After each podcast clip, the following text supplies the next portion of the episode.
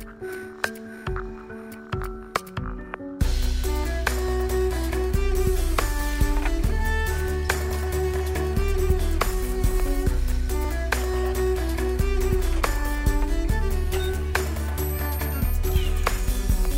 alle sammen. Da var vi live, eller jeg mener jeg. Velkommen til en ny episode av Nerve.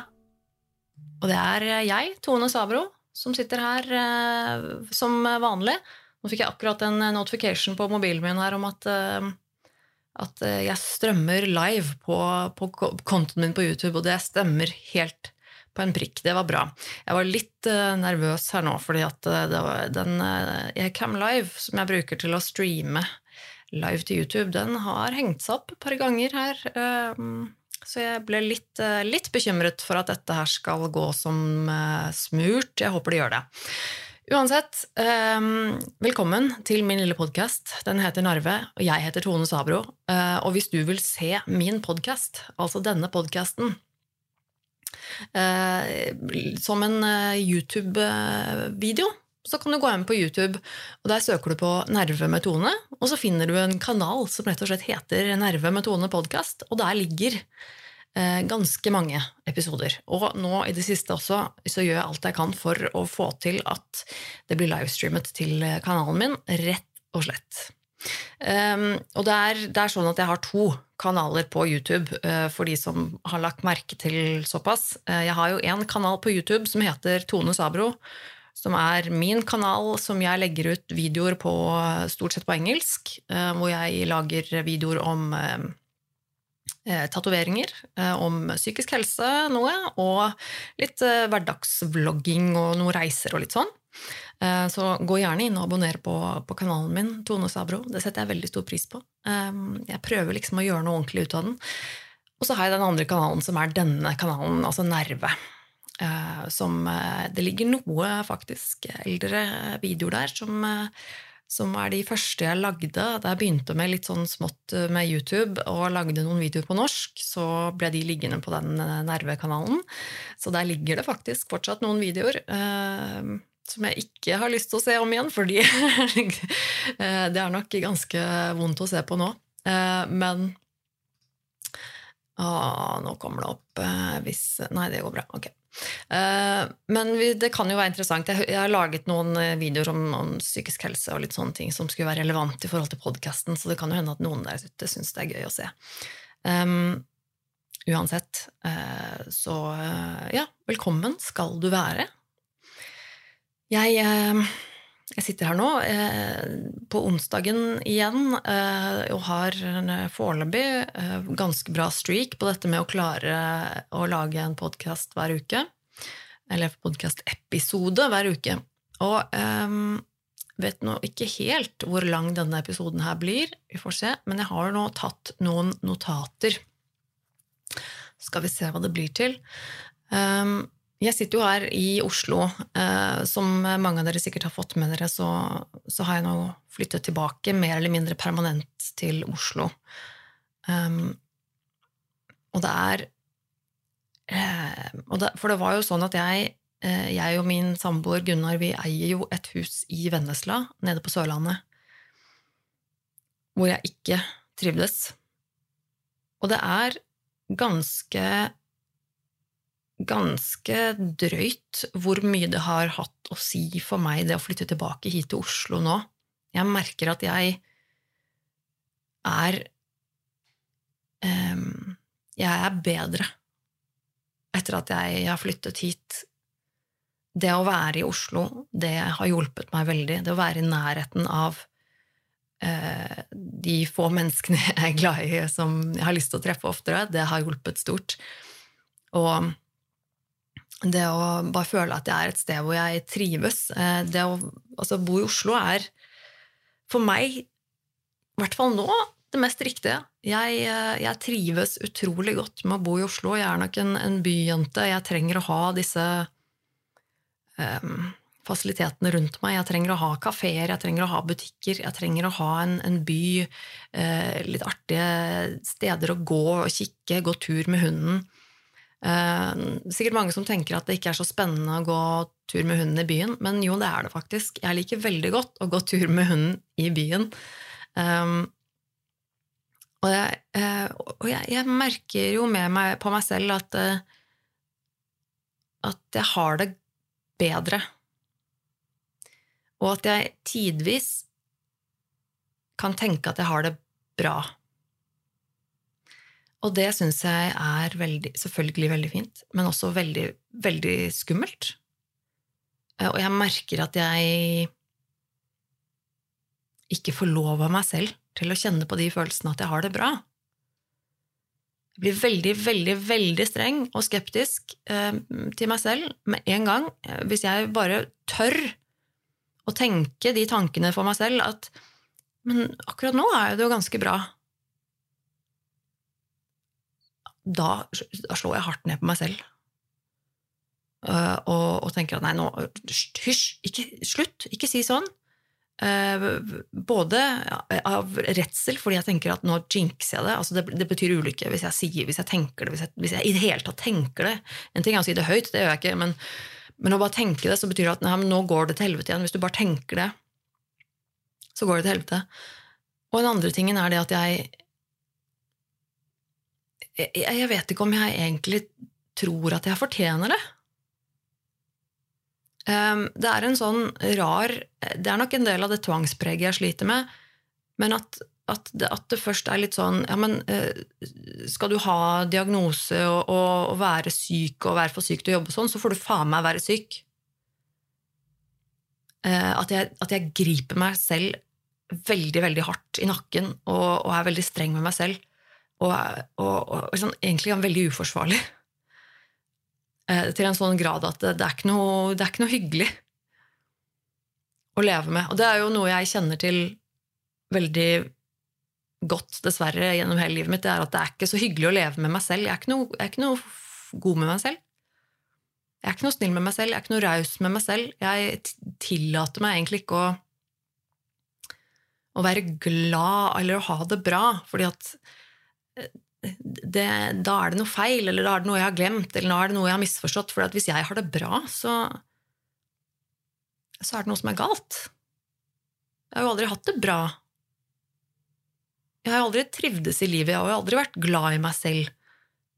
Så det å bare kjenne et lite snev av en sånn følelse, det er rett og slett litt skummelt. Um,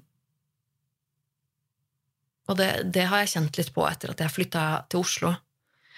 At det er en god del av, eh, av symptomene mine, som, altså de tingene jeg sliter med vanligvis i hverdagen, eh, de, de, er jo ikke borte, for all del. Eh, det, det, kan jeg ikke påstå. Men, men, det er noen av de tingene som har vært vanskelig for meg, som ikke har vært like tydelige i det siste.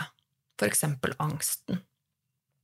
Og sosialangsten, for eksempel det, litt, det, føles litt som at jeg har eh, At jeg trengte å liksom være isolert i et lite sort hull langt ned i gokk helt alene i et år for å virkelig eh, kjenne på hvor, hvor, mye jeg trenger andre mennesker. Eh, og, jeg er jo en introvert person, stort sett ikke veldig glad i å være veldig mye sosial. Jeg liker veldig godt å være sosial med de få veldig gode vennene eller liksom menneskene jeg har som står meg veldig nær. Da er jeg veldig glad i å bruke mye tid eh, med dem. Men generelt er jeg veldig lite glad i det å være blant folk. Og gjøre, gjøre aktiviteter der det er andre fremmede mennesker. Det er noe jeg virkelig ikke liker. Um, og så har jeg alltid tenkt at jeg syns uh, Og det var jeg jo litt inne på i forrige episode også, hvorfor dette med å være sosial er vanskelig for meg. Det, da kan du gå tilbake en episode og høre hvis du vil høre mer om det. Um, men det å f.eks. gå på en date uh, syns jeg uh, jo stort sett er veldig slitsomt, og det Jeg våger ikke påstå at det ikke er det for de fleste, sikkert. Um, men, men kanskje litt spesielt for meg eh, av de tingene som jeg syns er vanskelig, med angst og med, med, med alle disse tvangstankene og tvangsmønstrene eh, i hodet mitt. Men jeg har jo faktisk vært på en date etter at jeg flytta til Oslo. Det er ikke så lenge siden jeg har flytta til Oslo. Eh, og plutselig så Og det er ikke egentlig noe veldig spesielt å fortelle fra den daten. Det var en hyggelig date, men ikke så mye mer, uh, mer enn det. Um, jeg uh, Men bare det at jeg fikk tilbudet om å møte denne personen som jeg hadde snakket litt med uh, Har du lyst til å møtes en dag, ta et glass vin, liksom, i et eller annet sted i nærheten her? Og jeg kjenner på at jeg faktisk ganske enkelt bare kan si ja, hvorfor ikke? Det var ganske nytt for meg. Det å ikke kjenne på den der umiddelbare angsten som bare grep taket rundt halsen min og sa nei, nei, nei, nei, nei, nei jeg kan ikke det, åh, orker ikke det, og så så hele den der tankemølla som begynner å gå i hodet mitt, og syns det er åh, slitsomt. Um, selvfølgelig, noe av det var jo der. Men jeg fikk ikke fordi at vanligvis i en sånn situasjon så vil være mitt, mitt første instinkt vil være å si nei. Eh, min aller første tanke er å si nei. Det er ikke alltid jeg sier nei, men det er det første jeg tenker. Nei, det har jeg ikke lyst til. Men så føltes det litt annerledes nå med, med, vedkommende, plutselig. Og jeg prøver ikke å si noe stygt om vedkommende, veldig absolutt hyggelig person, men det, men det var ikke noe spesielt med denne personen som gjorde at jeg virkelig ville på den daten. Um, det, var ikke noe, det var ikke sånn at jeg snakket med vedkommende og kjente at liksom, å, her hadde vi en ekstrem kjemi, denne personen må jeg møte med en gang. Um, det, det, var ikke noe sånt. Det var, det var, hyggelig.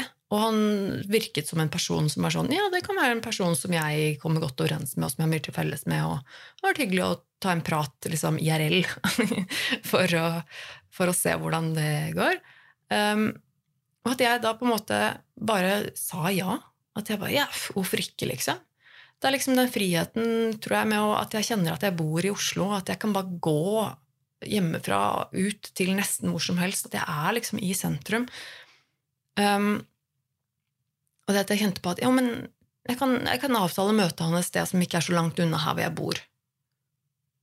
Så kan jeg Og så setter jeg terskelen veldig lavt for meg selv. Tenker at ok, jeg skal bare gå dit, skal si hei, ta et glass vin, og så skal jeg gå hjem igjen. Og det er det. Trenger ikke å sitte der lenge engang. Sitte en time eller noe sånt, prate litt, gå hjem. Um, og i tillegg så hadde jeg vært ganske åpen, som jeg pleier å være med de jeg blir kjent med. Så pleier jeg å være ganske åpen om ting jeg sliter med. Og det gjør også at det er lettere for meg da å, å kunne bruke den unnskyldningen hvis jeg blir sliten. Eh, så, og det gjorde jeg da jeg var på den daten eh, med, med vedkommende. Så hadde vi sittet der en stund og pratet, og så sa jeg at du, vet du hva, eh, jeg kjenner at jeg må faktisk gå hjem nå, jeg. For nå merker jeg at hodet mitt begynner å gå veldig treigt, og jeg begynner å bli veldig sliten kognitivt. Og, og det er mye støy i hodet mitt, og jeg, jeg, jeg er sliten. Så ikke noe personlig. Dette var hyggelig, men jeg, jeg må hjem nå. Um, og det føles, det føles, fint å kunne være ærlig om det også. Bare si liksom at nei, men det, det var hyggelig, men nå er jeg sliten. Um, og jeg tenker at det må jo være hyggelig for i begge parter at man kan bare være hyggelig om det. Nei, ærlig om det. Uh, det er en ting jeg setter pris på. Um, men ja, så, så, jeg merker jo Og det at jeg har eh, en god venninne for eksempel, som bor ikke så langt unna, og som vi plutselig kan, eh, plutselig kan bare treffe um, Hvis jeg vil på en kafé eller kjøpe kaffe, så kan jeg bare gå ut. Uh, det er en frihet som jeg virkelig har savnet, og jeg tror det har gjort noe med hodet mitt. Uh, og det, det, har gjort noe med min, min litt altså det, den, den, gleden og den, det ønsket om å på en måte kunne være med på litt ting. Så som for eksempel i går. Um, jeg ved en uh, tilfeldighet uh, Hvordan var det Jo, det var um, Jeg er venn med Eirik Knut på Facebook. Noen vet kanskje hvem Eirik Knut er. Han er astrofysiker. Veldig, veldig utrolig artig artig, eh, kunnskapsrik eh, fyr. Eh, vært mye i media sånn tidligere. Har nå en podkast som heter Romkapsel. For dere som er interessert i eh, eh, rommet og tiden og sånn, eh, så sjekk ut Romkapsel. Og jeg så at Eirik postet på Facebook at han og noen andre skulle ha en slags sånn samtale-paneldebatt, eller ikke debatt, men en liten sånn greie på Deichman, uh, altså på hovedbiblioteket her i Bjørvika, um, hvor de skulle snakke om konspirasjonsteorier. Uh, og det Da ble jeg litt sånn Oi, det, det, hørtes jo litt gøy ut. Det var gratis, og det var på Deichman, som er veldig, veldig nært der jeg bor. Det tar meg fem minutter å gå herfra, bort til Deichman i Bjørvika. Og så, jo, og så, er jo kjæresten min her, Gunnar, han, han er her i Oslo nå. Uh, og så har jeg jo truffet Eirik uh, før. Uh, han har vært med i podkasten Dialogisk sammen med samboeren min og Dag Sørås, hvor jeg også er, er med og, og, bidrar. Så jeg har jo truffet han før, pluss at jeg visste at han har i hvert fall nevnt, tror jeg før, at han hører på denne podkasten. Så han, han, kjenner jo meg litt, eller vi har, truffet, ja, vi har truffes før. tenkte jeg at det hadde jo vært hyggelig. Kanskje si hei til Eirik eh, gå ut i, liksom, i Oslobyen og, og, gjøre noe en kveld. Det er jo ikke så ofte vi gjør det, liksom. Så jeg meldte meg på. Meldte oss på, jeg og meg og Gunnar. Og så gikk vi dit eh, i går, eh, og jeg må si det var veldig gøy. Um, det er selvfølgelig mye mindre skummelt når jeg har med meg Gunnar. Eh, Gunnar er jo den personen i verden jeg er mest trygg på og trygg sammen med.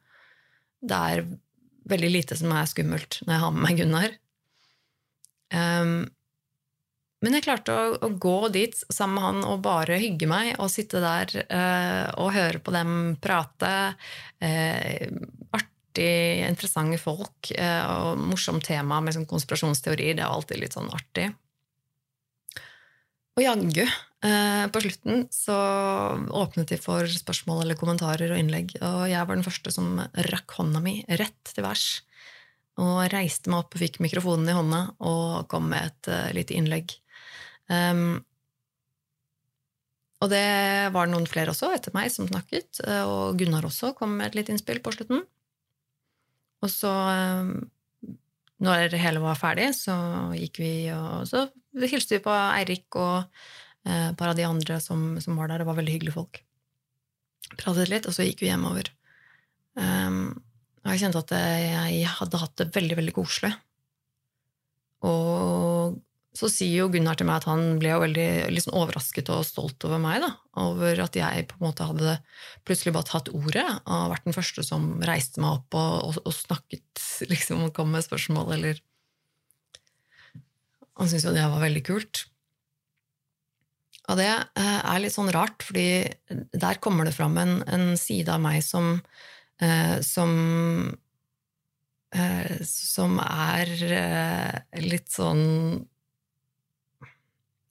Ja, merkelig, egentlig. Fordi at jeg er jo ikke redd for det å stå på en scene, for eksempel, og snakke foran folk. Det syns jeg ikke er skummelt. Jeg sitter jo Jeg med, har jo vært med som gjest i flere podcaster og, og sånne ting også. Jeg har og tidligere så, så drev jeg med, eller faktisk en del med sang, så da har jeg også opptrådt med, på større scener, liksom. Eh, altså på kulturhus eller et eller annet sånt noe, hvor du står og fremfører en sang. Det har jeg også gjort mange ganger. Og jeg syns, eh, jeg syns egentlig det er veldig gøy. Um, det å stå foran, foran, publikum på en scene og prate, det, det, er ikke skummelt. Det kommer ganske naturlig for meg, egentlig. Og jeg er ganske trygg på meg selv når jeg gjør det. Det vet jeg at jeg mestrer ganske godt. I hvert fall hvis det er et tema og jeg skal si noe som jeg føler at det kan jeg noe om, så er det ikke noe tvil. Det, det, det går helt fint. Det syns jeg til og med er ganske gøy. Og det er et sånn side med meg selv som nesten overrasker meg litt, fordi at jeg ellers er så menneskesky. Jeg liker jo ikke å sitte blant publikum. jeg liker ikke å være på konsert, jeg liker ikke å egentlig gå på kino, jeg liker ikke å uh, gå på shoppingsenter på en lørdag, jeg liker ikke, for det er mye folk, og det er mye, mye sånn støy og bråk og sånn. Det gir meg ubehag, det gir meg angst, og, og det syns jeg er ubehagelig. Men å stå på scenen foran alle menneskene, det syns jeg ikke nødvendigvis er ubehagelig. Det kan jeg til og med synes er gøy. Og det er jo, det er jo litt spesielt. Uh, for jeg, jeg merka jo det at um, At i går, uh, da på Deichman, var et litt sånn konkret uh, bilde på det, for da um, da, vi, da vi, gikk inn for å sette oss i den salen, så ble vi sittende helt forrest, um, på midten. og det, det syns jeg egentlig er litt deilig. For da uh, da ser jeg ikke de andre menneskene som er der. Så da er det nesten som å sitte alene, for da er det på en måte ikke så mye folk, uh, på et vis. For da, uh, hvis jeg snur meg, eller, eller på en måte en tilfelle på en måte legger merke til at det er mye mennesker bak meg og rundt meg, så syns jeg det kan jeg synes det er veldig ubehagelig. At da blir det sånn Oi, herregud, det er, det er masse folk bak meg. Uh. Um, og det er sånn jeg helst på en måte prøver å ha litt skylapper og så bare konsentrere meg på det som er rett foran meg, for da ser jeg bare de fire som sitter på scenen. Men med en gang jeg får mikrofonen i hånda og reiser meg opp, til og med liksom snur meg og liksom sier hei, jeg heter Tone, for jeg ble bedt om å presentere meg selv, så er det noe helt annet. For da er det som om jeg står på scenen, og så er det ikke skummelt med alle de folka lenger, for da er jeg på en måte ikke en del av de folka lenger. Av en eller annen merkelig grunn så er det en sånn psykologisk eh, sånn skille der, for meg som, som går der. Det er kjemperart. Um, og det, det, fikk jeg liksom kjenne litt sånn konkret på i går. Uh, og det jeg syns jeg selv er en, en veldig sånn rar, eh, artig ting med meg selv. At jeg kan være så menneskesky og avsky så mye sosial omgang og mennesker og folk generelt, og eh, bare synes at nei, uff, folk um, liker ikke å være sosial, sosial angst. Men å stå på en scene ikke noe problem. Jeg syns det er fascinerende, rett og slett. Um, men ja, det var, eh, det var, det var gårsdag. Det var en intro. Eh, det var jo egentlig en eh, litt for lang intro. Jeg skal snakke om tvang i dag. Um, og da rettere sagt tvang i psykisk helsevern. Det er en ting som jeg syns er interessant, viktig, og noe som jeg mener nå har gått altså helt, helt feil. Um, noe som vi må gjøre noe med. Jeg leste en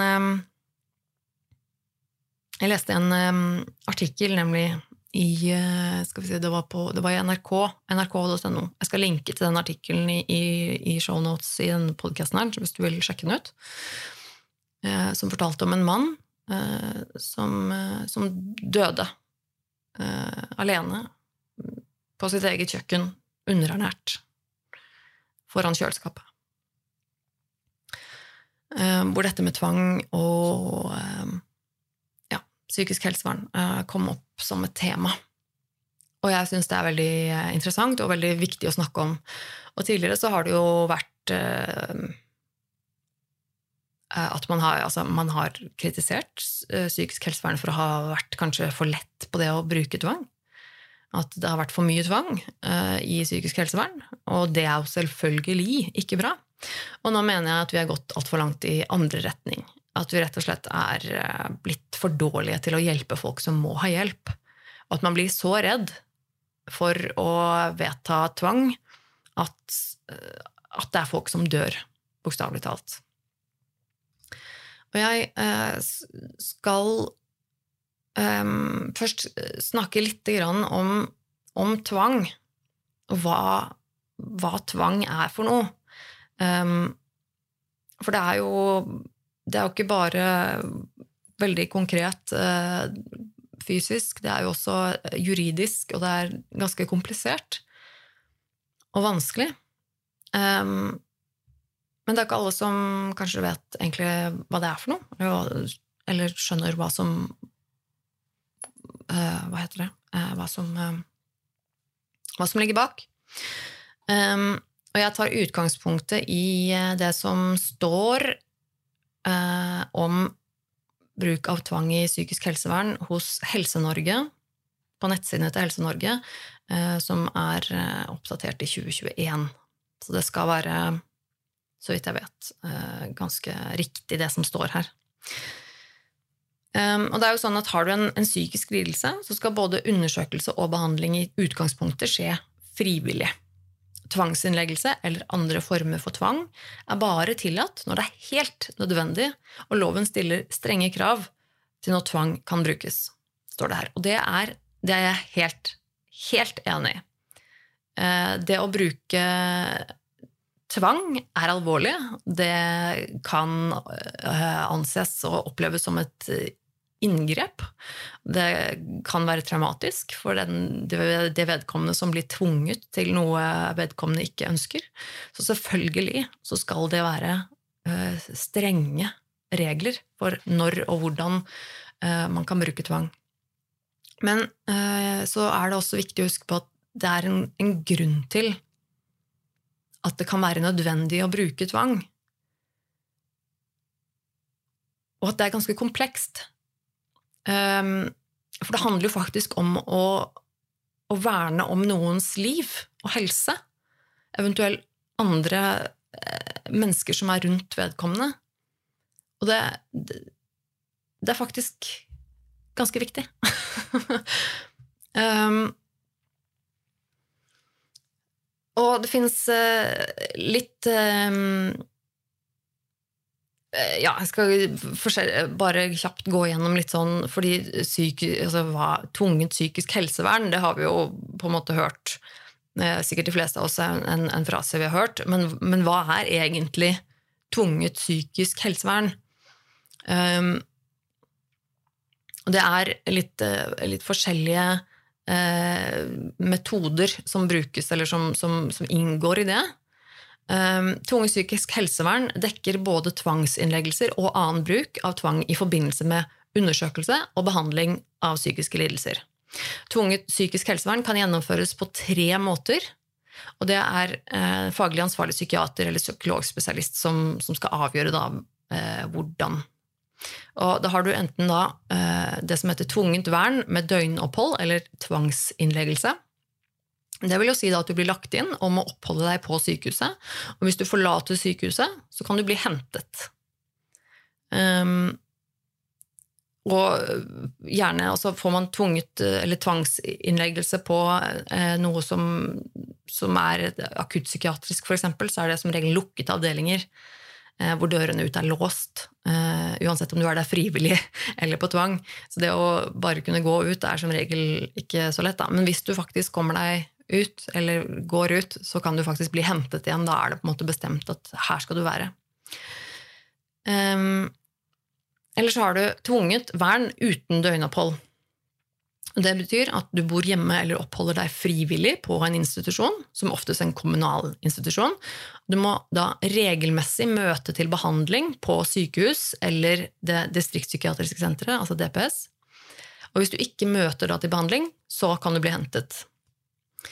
Um, så det er også da noen som har altså, tvunget psykisk helsevern, hvor de da ikke nødvendigvis bor på et sykehus, men hvor de kan bo på en annen institusjon eller hjemme, men at de da er eh, pålagt å møte til eh, behandling, da, eller møter, eller ja. Og så har du noe som heter tvungen observasjon. Og du må da eh, oppholde deg på sykehuset eller møte opp til utredning i inntil ti dager. I løpet av denne perioden må faglig ansvarlig bestemme seg for om vilkårene for tvunget vern er oppfylt. Hvis du ikke møter opp, kan du bli hentet. Dersom faglig ansvarlig mener det er strengt nødvendig, så kan kontrollkommisjonen forlenge observasjonen med ytterligere ti dager. Og det er jo en sånn um, altså, Tvungen observasjon, det, litt, litt, det, sier seg jo litt selv hva det inngår i, men det, det er jo um, en situasjon der hvor, da, hvor, hvor, det menes at du trenger å bli observert. Uh, vi må holde øye med deg, vi vet ikke hva som, altså eventuelt om det skal skje en utredning.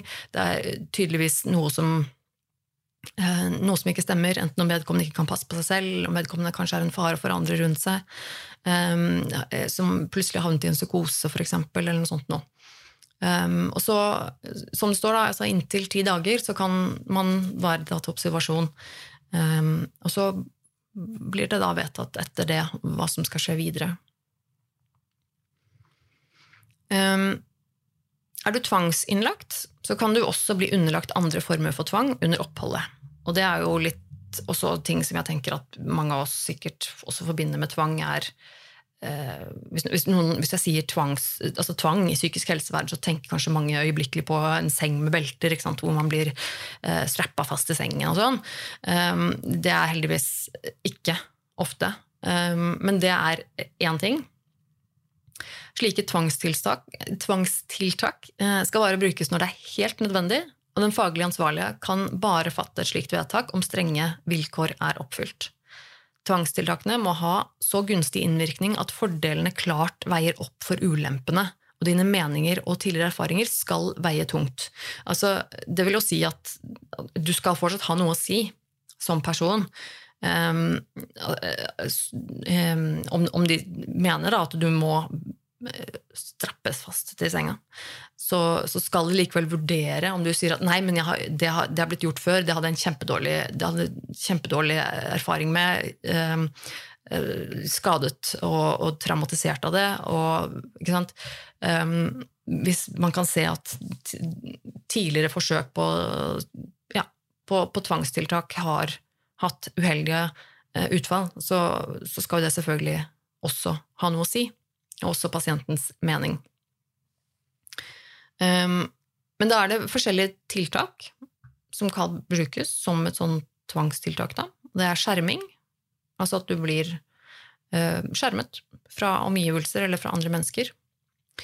Uh, det er behandling uten eget samtykke, og da er det begrensa til legemidler eller ernæringstilførsel ved alvorlige spiseforstyrrelser. Altså sier seg jo litt selv men at det er enkelte mennesker da, som, som, er så syke, med anoreksi f.eks., som er så underernært at det må eh, eh, få næringstilførsel ved tvang. Og, da, og er, da er vedkommende veldig, veldig, veldig syk. Begrensning i retten til å motta besøk og post, eller å bruke telefon slash PC. Det kan være undersøkelse av rom og eiendeler samt kroppsvisitasjon. Eh, for sånne ting er man jo også egentlig veldig strenge på i, i Norge. Beslagleggelse av rusmidler og farlige gjenstander. Testing for å avdekke rusmiddelbruk. Eh, bruk av tvangsmidler som f.eks. fastspenning eller holding, isolasjon og korttidsvirkende legemidler. Etter at tvangstiltaket er avsluttes, skal, avsluttet, skal du tilbys en samtale om hvordan du har opplevd tvangsbruken. Og det er også selvfølgelig veldig viktig. Um, noen ganger så må det uh, tas i bruk noen, noen tvangstiltak for at du skal bli tatt vare på. Men da er det også selvfølgelig viktig å snakke og, med vedkommende etterpå, at vedkommende får tilbud om å uh, prate om hvordan dette har opplevdes for vedkommende. Selvfølgelig veldig viktig. For både institusjon, men også selvfølgelig da vedkommende. Um, det, også, det, skal selvfølgelig også vektlegges eh, personlig integritet. Uansett om man er tvangsinnlagt, eh, altså innlagt ved tvang eller ikke. Det, det, vil jo si at skal, eh, det skal legges til rette for at du skal eh, være med i institusjonens dagligliv og andre, andre, forhold. Eh, du skal få lov til å prøve å, å, dyrke interesser og hobbyer så godt det lar seg gjøre. Eh, du skal ha tilgang til aktivitetstilbud eh, og, og, sånne ting. Så da, og i tillegg så skal det også tas hensyn til livssyn og kulturell bakgrunn. Og så kommer vi over til det som eh, Når er det lov til å bruke tvang, eller å tvangsinnlegge deg. Og det å forebygge og begrense bruk av tvang er viktig i psykisk helsevern, og det er jeg helt enig i. Vilkårene i loven er satt opp for å sikre at tvang kun brukes når det er helt nødvendig, og at den gjennomføres på en forsvarlig måte i samsvar med menneskerettighetene og grunnleggende rettssikkerhetsprinsipper. Selvfølgelig. Det skulle bare mangle. For å bruke eh, tvangsvedtak på noen, så har du et par eh, vilkår som må være til stede for at du skal få lov til å bruke tvang. Som da selvfølgelig er, ganske viktig at er til stede. Um, og det er da Det ene er at du har en alvorlig sinnslidelse. Um, du kan bare utsettes for tvang om du har en alvorlig sinnslidelse. Dette er et juridisk begrep og ingen spesifikk diagnose, men innebærer at du har lite sykdomsinnsikt, at du fungerer svært dårlig i hverdagen og har sviktende virkelighetsoppfatning. Og det er vanligst da ved ø, psykoser, men det kan også gjelde ved alvorlige spiseforstyrrelser eller andre psykiske tilstander som påvirker funksjonsevnen og virkelighetsoppfatningen din i så stor grad at tilstanden da kan sidestilles med en psykose. Uh, og det Er jo åpenbart, altså Er du en psykose, så, uh, så vil jo det veldig veldig ofte tilsvare at man har en dårlig virkelighetsoppfatning. Eh, men det kan også skje ved, ved andre tilstander. Altså, for, altså som står eh, alvorlige spiseforstyrrelser, f.eks. Er du så avmagret da, at du eh, har sultet hjernen din eh, såpass mye, så kan det hende at, at, du faktisk ikke helt klarer å vurdere deg selv og din egen situasjon. At du ikke har Altså, ja. Det er, det er mye eh, som skjer med hjernen også, når du sulter kroppen og organene dine. og og hjernen ikke får, eh, får, næring, så sier det seg selv at den, den, klarer ikke å fungere helt optimalt. Eh, vilkåret kan også være oppfylt selv om du er symptomfri, dersom dette skyldes at du er blitt bedre etter behandling med legemidler. Det andre vilkåret er at du mangler samtykkekompetanse. Og dette med samtykkekompetanse er det nok mange av oss som har uh, hørt uh, mye prat om. Og her um, Dette er jo et punkt som jeg syns er interessant, og som er komplekst og veldig vanskelig. Um, jeg skal gå gjennom det som, som står her uh, om samtykkekompetanse. Vedtak om bruk av tvang kan kun fattes om du mangler samtykkekompetanse. Å mangle samtykkekompetanse kan bl.a. innebære at du er ute av stand til å ivareta dine egne interesser, forstå situasjonen du er i og informasjonen legene gir deg, og ta rasjonelle valg og forstå konsekvensene av valgene dine. Og Da er det den som er faglig ansvarlig for, for helsehjelpen du mottar, som skal vurdere om du har eller mangler samtykkekompetanse. Og Da er det snakk om en psykiater eller en psykologspesialist. Hvis du etter en tids behandling igjen blir samtykkekompetent, kan du selv velge om du vil fortsette behandlingen eller frivillig eh, fortsette behandlingen frivillig eller avslutte den.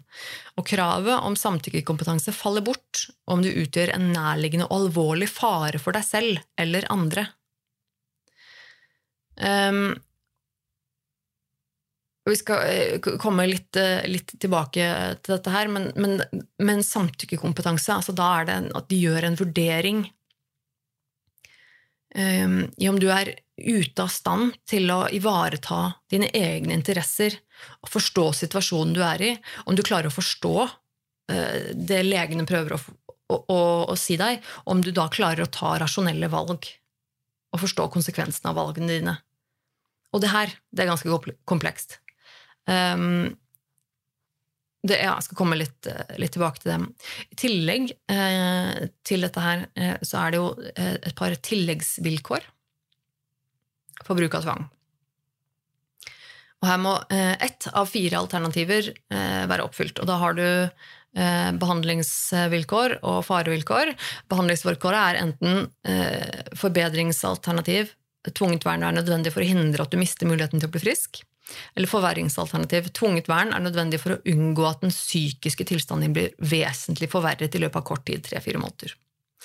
Og så har du farevilkår, eh, to alternativer der. Og det er en, eh, for, Farevilkåret sier at tvungent vern er nødvendig for å forhindre nærliggende alvorlig fare for ditt eget liv eller helse, eller andres liv og helse. Og det er også selvfølgelig ganske viktig. Og så er det viktig å vite også at frivillig behandling må ha vært forsøkt. Du skal som hovedregel også få tilbud om et frivillig behandlingstilbud først. Og vedtak om bruk av tvang skal bare fattes hvis frivillig behandling har vært forsøkt uten å lykkes, eller om det åpenbart er nytteløst å forsøke en frivillig behandling. Um, og så skal selvfølgelig en helhetsvurdering være viktig. Eh, tvangsinnleggelse skal bare finne sted dersom dette etter en helhetsvurdering framtrer som klart, den klart beste løsningen for deg. Um, hvis du utgjør en fare for andre, så skal det ikke legges like stor vekt på hva som er det beste for deg. Altså eh, at du, du skal vernes Det at du skal vernes fra andre mennesker, er veldig viktig. Eh, selv om du kanskje ikke er, vil ha best ut Kanskje du ikke vil ha best utfall av en, en et, et, tvangsvedtak, så kan det hende at det er nødvendig, og helt, helt nødvendig. Hvis det er sånn at du er da, farlig for andre mennesker rundt deg, så skal det selvfølgelig også veies tungt. Um, nå står det litt om, um, om uh, hvordan det fattes et vedtak, og også det at uh, kontrollkommisjonen skal kontrollere vedtaket. Så alle, um, alle vedtak om tvang skal kontrolleres av kontrollkommisjonen og ivareta dine rettigheter, da. Og dette kan klages på, osv., osv. Um, og jeg syns jo dette her er um, interessant. Uh, og jeg har mange ganger hørt snakk om um, tvang, uh, at tvang er, er, er, vanskelig, og at man skal unngå tvang og, og sånne ting. Selvfølgelig. Uh, for all del. Men det er dette ofte med samtykkekompetanse som blir referert til. Og det, eh, det, forstår jeg at kan være veldig, veldig vanskelig. For hvordan vet man om vedkommende er samtykkekompetent? For å vite det, så tror jeg at man eh, må ha ganske god innsikt eh, eh, i, i, selvfølgelig i pasienten, til, til hvem det, dette vedkommende er, og hva Ehm, eh, ønskelig også hva denne personen sliter med. For det også påvirker jo hvordan man tenker om ting. Um, tilbake til, det. Jeg skal snakke litt, eh, litt om denne, den som et eksempel, denne saken jeg snakket om med han, han som sultet i hjel. Han var 59 år gammel da han døde. Um, som sagt lenker jeg til saken, så du kan lese, lese hele hvis du, hvis du vil. Men her er det snakk om et, eh, en mann, eh, et, eh, noen brødre. De er tre brødre, hvor, hvor yngste personen blir syk. Um, og du forteller litt om det eldstebroren her som, som, er intervjuet, eller som forteller litt om, om, historien her. Og han forteller også at um, den mellomste broren dør i en drukningsulykke. Eh, og at det kanskje muligens er det som gjør at yngstebror da eh, etter hvert blir veldig syk. For han har tidligere i livet vært eh, veldig velfungerende og, og frisk og, og, glad, men da kanskje mest sannsynlig etter at broren da døde, druknet, at det hadde en veldig dårlig innvirkning på ham. Han, eh, han, forteller jo da at yngstebror øh, eh, isolerer seg og, og velger å, å, ikke ha noe kontakt med omgivelsene sine. Han vil ikke ha noe å gjøre med venner lenger, han vil ikke ha noe å gjøre med familie. Han isolerer seg helt i hjemmet sitt, som også var annerledes enn det han har gjort før. Han har tidligere ikke hatt noe problem med å ha besøk og vært sosial osv. Um, han uh, blir sykere og sykere, uh, går aldri ut. Um, tar ikke kontakt med noen, men, men heller ikke uh, ønsker å snakke med noen som tar kontakt med han. Eh, han blir, kan bli sint og ha sinneutbrudd hvis noen prøver å, å snakke til han eller, eller bry seg om han. Um, det står at han Det står at han Det eneste han gjør, altså at han beveger seg ut av huset, er Eller eneste personen han har kontakt med, er en taxisjåfør at han har en, en, vane med at han da eh, kontakter en, en, taxisjåfør som kommer og henter han og kjører han til eh, butikken. Og venter på han utenfor og kjører han hjem igjen etter at han, etter at han har handlet mat. At det er det eneste han har med å gjøre med andre mennesker, og at dette gjør han eh, til fast tid hver gang. Og det er eh, tror liksom klokken sju om morgenen, sånn at han er på butikken akkurat når det åpner Um, hvor de da antar at dette er fordi at han da ønsker å treffe færrest mulig mennesker. Um, og det er jo folk rundt han som blir veldig bekymra, selvfølgelig. Han begynner å bli veldig, veldig, veldig tynn. Og det er eh, helse... Um, helsepersonell som, uh, som, prøver å tilse at det går bra, uh, ta kontakt med han. Uh, han blir på et tidspunkt tvangsinnlagt og er veldig, veldig underernært. Um, da får uh, Visstnok så sier han da at at uh, han ikke har noen problemer med å spise, han har ikke spiseforstyrrelse eller noe sånt noe. Um, at han rett og slett ikke har fått handlet, uh, handlet mat. Fordi bankkortet hans ikke fungerer. Eh, for da viser det seg at, eh, at eh, banken har gjort, gjort, om på noen regler som gjør at da, for, for, at du skal kunne bruke bankkortet, så må du identifisere deg med pass i banken for å sant, Et eller annet. da. Som gjorde at han da måtte møte opp i banken, som jo da var helt utelukket for han å gjøre. Og da endte det bare med at han ikke hadde noe penger, ikke noe bankkort som fungerte, så da hadde han heller ikke mulighet til å skaffe seg mat. Og heldigvis så ble, jo, ble dette fanget opp i tide, hvor han ble tvangsinnlagt. Han, han fikk mat. Eh, han klarte å komme seg litt igjen, eh, og sånn. Eh, fikk, la på seg litt grann, eh, ved å liksom få, få, mat og sånn. Eh, og så ble han sluppet ut igjen. Men dessverre så, så fortsatte han å være dårlig. Noe som ikke er veldig overraskende. Han fortsatte å isolere seg. Og han Det var vel ingen som hadde kontakt med han lenger. Til slutt så Det var vel et, et cirka, så vidt jeg forsto det ut fra dette her, så var det et år etter at han da hadde kommet uh, ut fra den sykehusinnleggelsen, så blir han funnet død.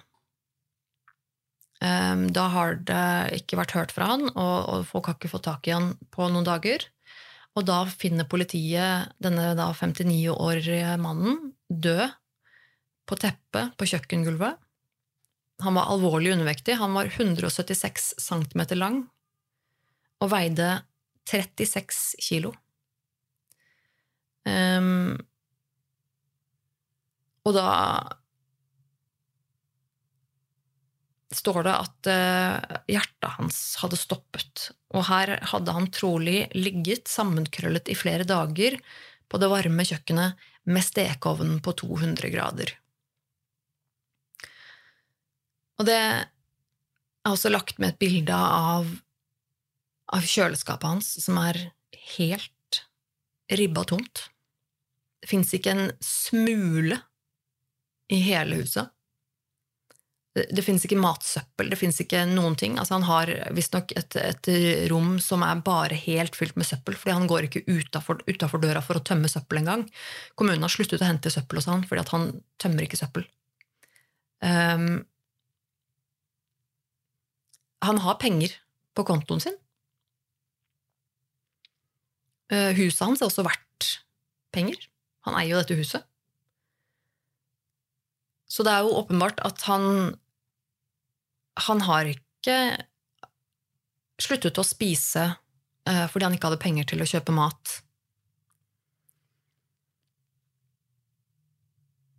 Men han døde av undervekt. Eh, altså når, når, du, når, du, blir så tynn og avmagret, så slutter kroppen din å fungere. Uh, altså hjertet ditt stopper uh, etter hvert. Og det var dette som skjedde. Og han har da mest sannsynlig vært altså syk, selvfølgelig. Han har nok ikke tenkt veldig rasjonelt og klart kognitive evner blir utrolig svekket når man er så underernært og syk. Um, han var nok eh, sikkert veldig kald. Um, lå eh, sammenkrøllet på kjøkkenet, på, på, teppet på kjøkkenet med ovnen, stekeovnen stående på 200 grader.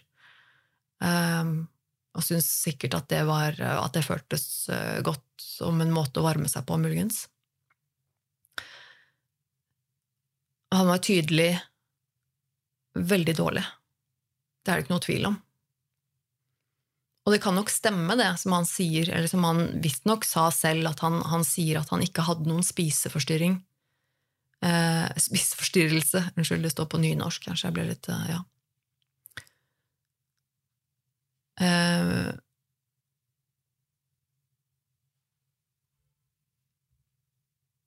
og jeg bare leser, ja, sorry, jeg bare leser litt, skal vi se.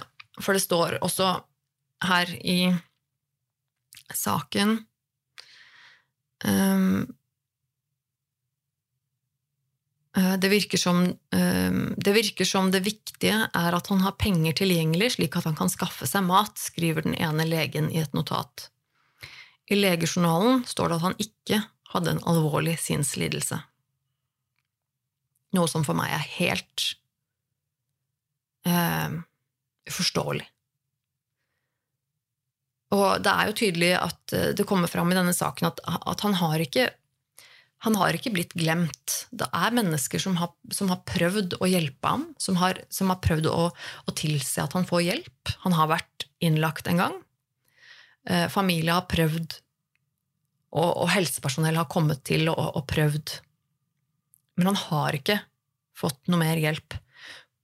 Og det er nok eh, Og da kommer man til dette med, med tvang og med um, samtykkekompetanse.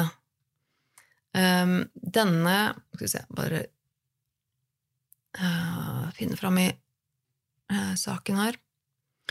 Um, I et brev til statsforvalteren skriver Ørsta kommune at avdøde var vurdert som samtykkekompetent og at de dermed ikke kunne tvinge han. Han hadde en klar oppfatning av hvordan han ville leve livet sitt, og de måtte respektere ønsket hans. Og det er klart um,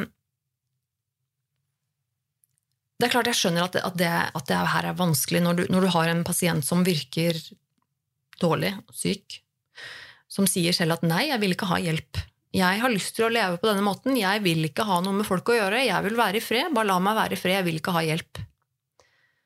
Så skjønner jeg jo at selvfølgelig er det vanskelig å, vite ok, hvor, hvor, når, når, skal man tvinge dette vedkommende da? Han øh, virker i utgangspunktet ikke øh, som at han er i noe psykose. Eh, han virker kanskje såpass oppegående at han, at han, gjør rede for seg, at han sier at 'nei, men jeg ønsker å leve på denne måten'. Um, og tydeligvis så har legene som han skrev i journalen, at det hadde ingen alvorlig sinnslidelse. Han sier selv at eh, 'nei, jeg har ikke noe spiseforstyrrelse, jeg. Jeg, jeg kan spise, jeg må bare ha penger til mat og, og sånn'. Og så er det jo på den annen side helt klart og tydelig at denne personen sliter enormt med å ta vare på seg selv. Han har vært innlagt med tvang en gang tidligere og akkurat eh, klart å berge livet for at han nesten døde av underernæring. Og så går det et år, og så, og så dør han av underernæring.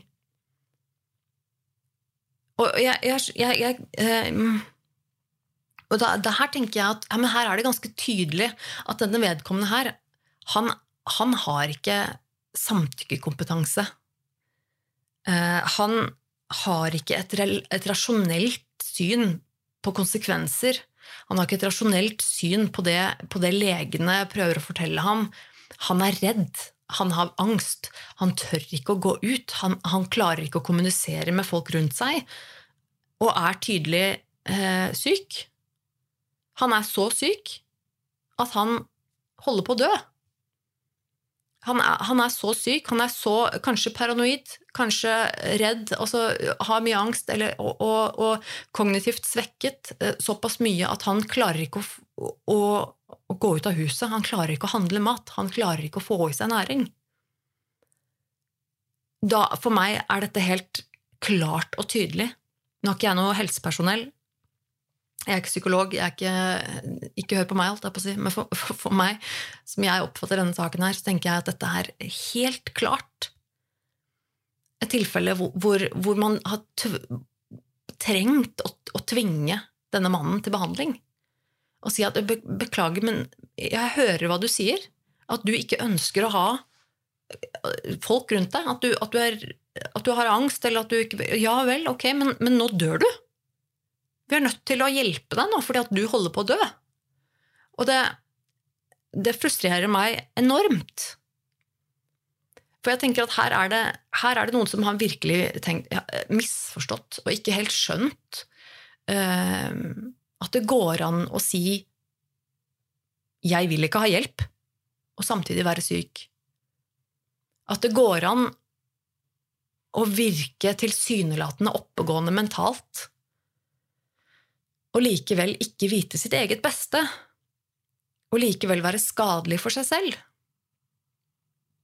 Og det er ganske komplekst. Jeg skjønner at dette er vanskelig. Det er kjempevanskelig, og det er, det er jo ikke noe um, Det er ikke noe eh, holdt jeg på å si, enkel måte å, å liksom sette en grense for, for hvor, hvor, går grensa og, og sånn. Det, det er jo kjempevanskelig.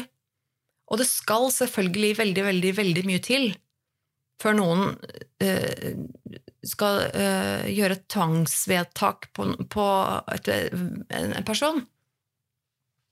Det er jeg helt enig i. Men ja, da tror jeg også det er ekstremt viktig at, at, man også skjønner hvordan hjernen fungerer, og hvordan, hvordan psyken vår kan, kan, uh, kan ødelegge for oss. Og det at et, et, for det, det er ikke sånn at alle mennesker vil vel for seg selv. Det er ikke sånn at alle mennesker heller skjønner hva som er bra for seg selv, eller eh, har lyst til å motta hjelp.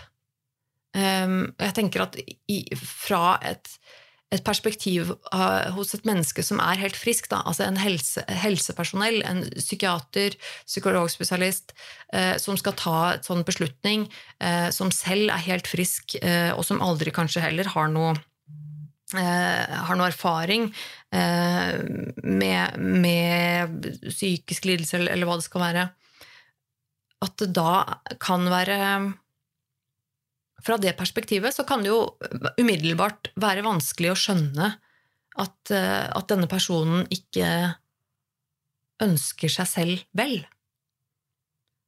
Eh, for det er jo noe som ligger veldig naturlig i oss, vi eh, Et naturlig instinkt i oss mennesker om at vi, at vi tar vare på oss selv, at det er et det overlevelsesinstinktet.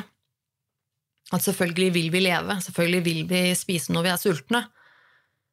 Um, og så er det faktisk sånn at, uh, at hjernen vår Hvis man blir syk, så er det ikke alltid at hjernen vår fungerer så rasjonelt.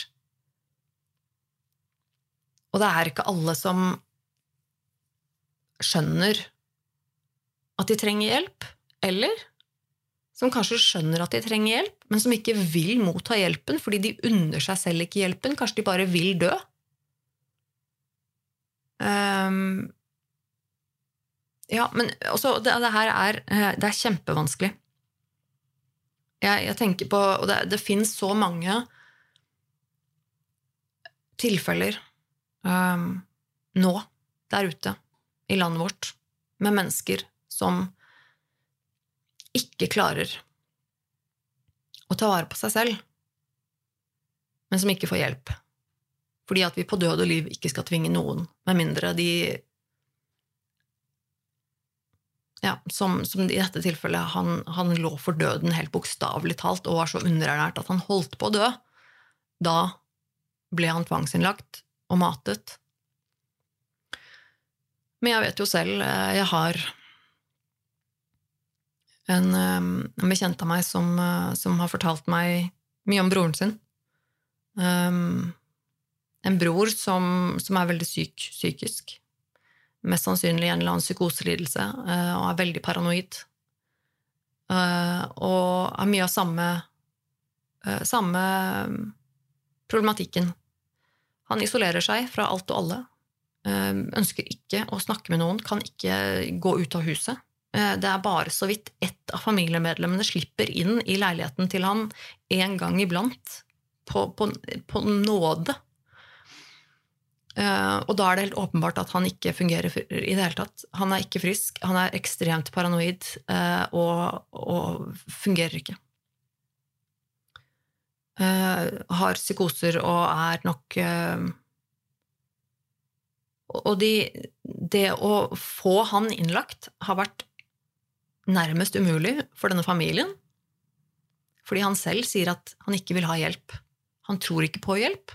Han tror ikke på at noen eh, psykologer uh, Unnskyld. Uh, en eller annen spam-call. Nei, gå vekk. Um, han tror ikke på uh, psykologhjelp, at det, at det fins, at det går an. Han tror ikke på at medisiner kan hjelpe han. Han tror at alle skal skade han. Han tror at folk er ute etter han, og at at, at, at, folk er ikke, at han trenger ikke hjelp, og at folk vil ikke hjelpe han, de er bare ute etter han. Og det er klart, for, for, meg også så blir et sånt tilfelle når, når familien også er så fortvila og ser at han, han, går til grunne. Men det er ingen som er villig til å tvangsinnlegge han. Fordi at han har samtykkekompetanse. Så blir jeg helt jeg, jeg, jeg, blir, jeg blir så trist av det. Jeg blir lei meg av det, altså. Fordi at det her er også for meg helt tydelig at dette er et menneske som, som han, han, han, klarer ikke å forstå sitt eget beste. Han klarer ikke å ta vare på seg selv. Han kommer til å, å dø. Han kommer til å gå under. Eh, hvis ikke han får hjelp. Og så er det selvfølgelig sånn at um, at alle skal ha frihet til å leve det livet de vil. Og hvis, hvis hvis noen ønsker å leve et liv i isolasjon, så skal man ha lov til å gjøre det. Hvis noen ønsker altså, eh, Selv om det for de fleste av oss høres kjemperart ut, Ikke sant? så kanskje altså hvis, hvis det er en person som ønsker å leve på den måten, som tilsynelatende ikke, ikke, har det bra, men som, som, genuint ønsker å bare være i fred. Så altså, enhver en av oss har rett til å velge vårt eget liv, og til å velge hvordan vi skal leve livet vårt. Um, altså, så fremt da vi ikke er en fare for, for, samfunnet eller andre personer, eller eventuelt oss selv. Men la oss si denne personen her, da. Han, han er ikke noen akutt fare for seg selv. Han spiser mat han eh, skader ikke verken seg selv eller andre. Han har det bare tydelig eh, helt jævlig inni, inni sitt eget hode. Men han sier at han ikke vil ha hjelp. Hvor er det grensa går? Hvor man skal si at ok, han har lyst til å leve et bedritent liv. Han ønsker dette selv. Eh, det er et valg han tar, og den autonomien, den skal han ha. Mellom, mellom det og, og det at det er ikke forsvarlig at han, skal, at han skal få lov til å bestemme over sitt eget liv på den måten her, når han så tydelig ikke er i stand til å forstå konsekvensene eller forstå sine omgivelser. Han har ikke en, en, en god virkelighetsoppfatning. Og det er jo selvfølgelig dritvanskelig når det er utenomforstående mennesker som må ta en sånn avgjørelse, men Eh, men det som også er jævlig trist, er at det er jo ikke bare vedkommende dette går, ut for, går utover. Det går utover alle pårørende og venner. Jeg har en familie som er eh, dypt fortvilet for en, en sønn slash bror som, som, de da ikke klarer å hjelpe, og som, som da bare på en måte forsvinner ut av, ut av livet. Eh, det er helt forferdelig. Um, det står i, i, den saken så står det litt, litt mer spesifikt også om, om samtykkekompetanse. Jeg skal bare lese litt av det som står der. Her står det personer over 16 år har som hovedregel rett til å avgjøre om de vil ta imot tilbud om helsehjelp. Samtykkekompetanse kan likevel falle bort dersom personen av fysiske eller psykiske forstyrringer eh, senil demens eller psykisk utviklingshemming åpenbart ikke er i stand til å forstå hva samtykke omfatter. Ikke sant? Dette er jo litt av det samme som jeg leste tidligere. Um, I 2017 uh, eh, ble manglende samtykkekompetanse innført som vilkår for tvungen observasjon, tvungen psykisk helsevern og undersøking og behandling uten eget samtykke. Helsehjelp kan som hovedregel bare bli gitt til personer som har rett til å avgjøre, avgjøre om de ønsker å ta imot tilbud om helsehjelp, har samtykkekompetanse, og som ønsker å få hjelpen. Regelverket åpner for en avgrenset tvang mot personer som har et psykisk utviklingshemming eller er rusavhengige. Vilkårene for tvangsbruk er strenge, men det kreves ikke at personer mangler samtykkekompetanse. Altså hvis du da er har en psykisk utviklingshemming eller er rusavhengig. Regelverket åpner også for en avgrenset bruk av tvang mot personer som har en alvorlig sinnslidelse, eller som motsetter seg behandling av en somatisk liding. Eh, etter disse reglene er det i tillegg et vilkår at personen mangler samtykkekompetanse. Dette vilkåret gjelder likevel ikke for alvorlig sinnslidende når det er fare for personen sitt eget liv. Så igjen um, Jeg tror at det er um, At det er viktig at dette er noe som blir tatt tak i. Uh, at vi ikke kan være redd. Eh, at, at helsevesenet kan ikke, kan ikke være så redd for å få kritikk, redd for å bruke tvang, redd for å At, at eh, nå som, som nå, hvor det rett og slett bare blir umulig å hjelpe noen.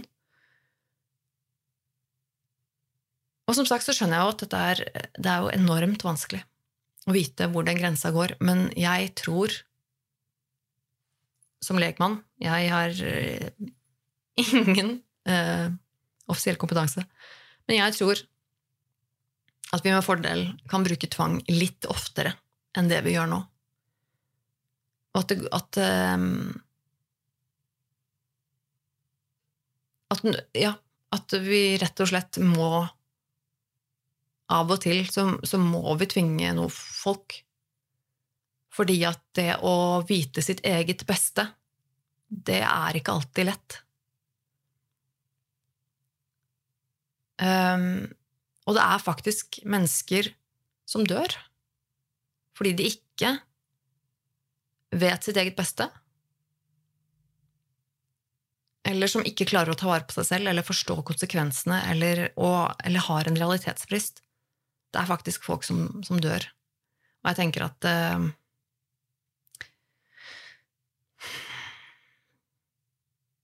Heller kanskje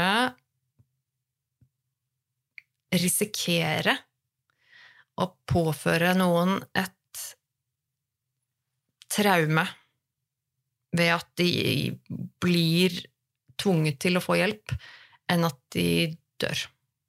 Fordi de ikke klarer å fungere.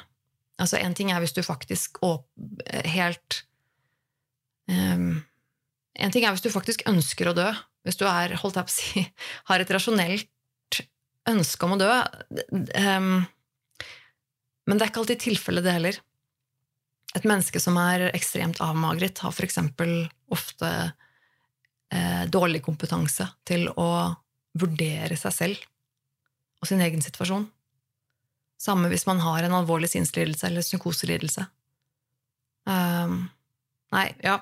Jeg syns dette er uh, interessant. Jeg syns det er veldig vanskelig. Jeg syns det er um, um, ah, jeg, jeg, jeg, kan ikke si at jeg misunner, uh, de menneskene som, som, sitter på disse avgjørelsene. Uh, det er nok dritvanskelig. Det er jeg nok ikke i tvil om. Men, men jeg tror nå kanskje at, at at det er snudd litt i, i, gal retning igjen, litt for langt. I retningen av at, at, man blir litt for redd for å ta i folk. Litt for redd for å gripe inn. Litt for redd for å, å, å få en slapp på fingeren etterpå hvis man har tvunget noen. Um, jeg, jeg, tror det er farlig å gå litt for langt i den retningen. Jeg tror det er veldig mange der ute nå som, som trenger hjelp, og som ikke får det. Um, jeg skal absolutt avslutte. Uh, der fikk jeg en tommel ned på, på YouTube-streamen faktisk. Det var jo raust, må jeg si. Um, jeg skal avslutte, og begynner å bli ganske sliten i, i, stemmen her, kjenner jeg. Men uh, jeg setter veldig stor pris på dere som, uh, som går inn og, og liker f.eks. denne videoen på YouTube, Nerve med Tone podkast, livestreamen min. Ehm, eller eh, som hører på podkasten, setter veldig pris på om du forteller en, en du kjenner, om podkasten min, hvis du liker den. Eh, jeg trenger eh, deres hjelp til å spre budskapet om denne podkasten. Ellers så vil jeg også nevne at jeg har en podkast til som heter Virkelig grusomt, som jeg lager sammen med min samboer Gunnar Tjomli. Og den finner du også der hvor du finner andre podkast. Og så har jeg et par YouTube-kanaler som jeg veldig gjerne vil ha støtte til. Det koster jo deg som ser ingenting, eh, men det kan hjelpe meg veldig mye. Bare å få en, eh, at du klikker på abonner-knappen eller like-knappen. Eh, det er gratis og hjelper meg faktisk veldig mye. Så jeg håper at du gir det en sjanse. Jeg har også en Patron faktisk. Eh, den er jeg veldig dårlig til å promotere, og veldig dårlig til å administrere. Eh, men eh, jeg setter veldig pris på dere som støtter meg på patrion.com. Og så syns jeg det er veldig hyggelig med dere som sender meg tilbakemeldinger og meldinger. Jeg tar veldig gjerne imot ris og ros om noen har tips til, til temaer som jeg kan snakke om. Um, du finner meg på, i sosiale medier, enten som Tone Sabro eller Nerve med Tone. Og hvis du har lyst til å sende meg en uh, mail, så kan du sende mail til nervemedtone at gmail.com. Og det er bare jeg som leser de mailene som kommer inn der. Um, jeg prøver å svare alle som kontakter meg. Uh, mail er ikke alltid det blir svart på, uh, men jeg leser alle. Uh, kontakter du meg på sosiale medier, så prøver jeg å svare de fleste. Eh, jeg syns det er veldig hyggelig å høre fra dere der ute. Jeg sitter jo bare her og snakker ut i et stort intet, så det å, det å høre at det er noen som mottar, er veldig, veldig hyggelig. Eh, men ja, da skal jeg avslutte. Jeg skal stoppe denne livestreamen her. Og så skal jeg legge ut denne episoden i podkastformat så kjapt som mulig. Jeg vil takke deg som hører på, igjen for at du hører på. Setter veldig stor pris på det. Og så håper jeg vi høres igjen om en uke. Ha det.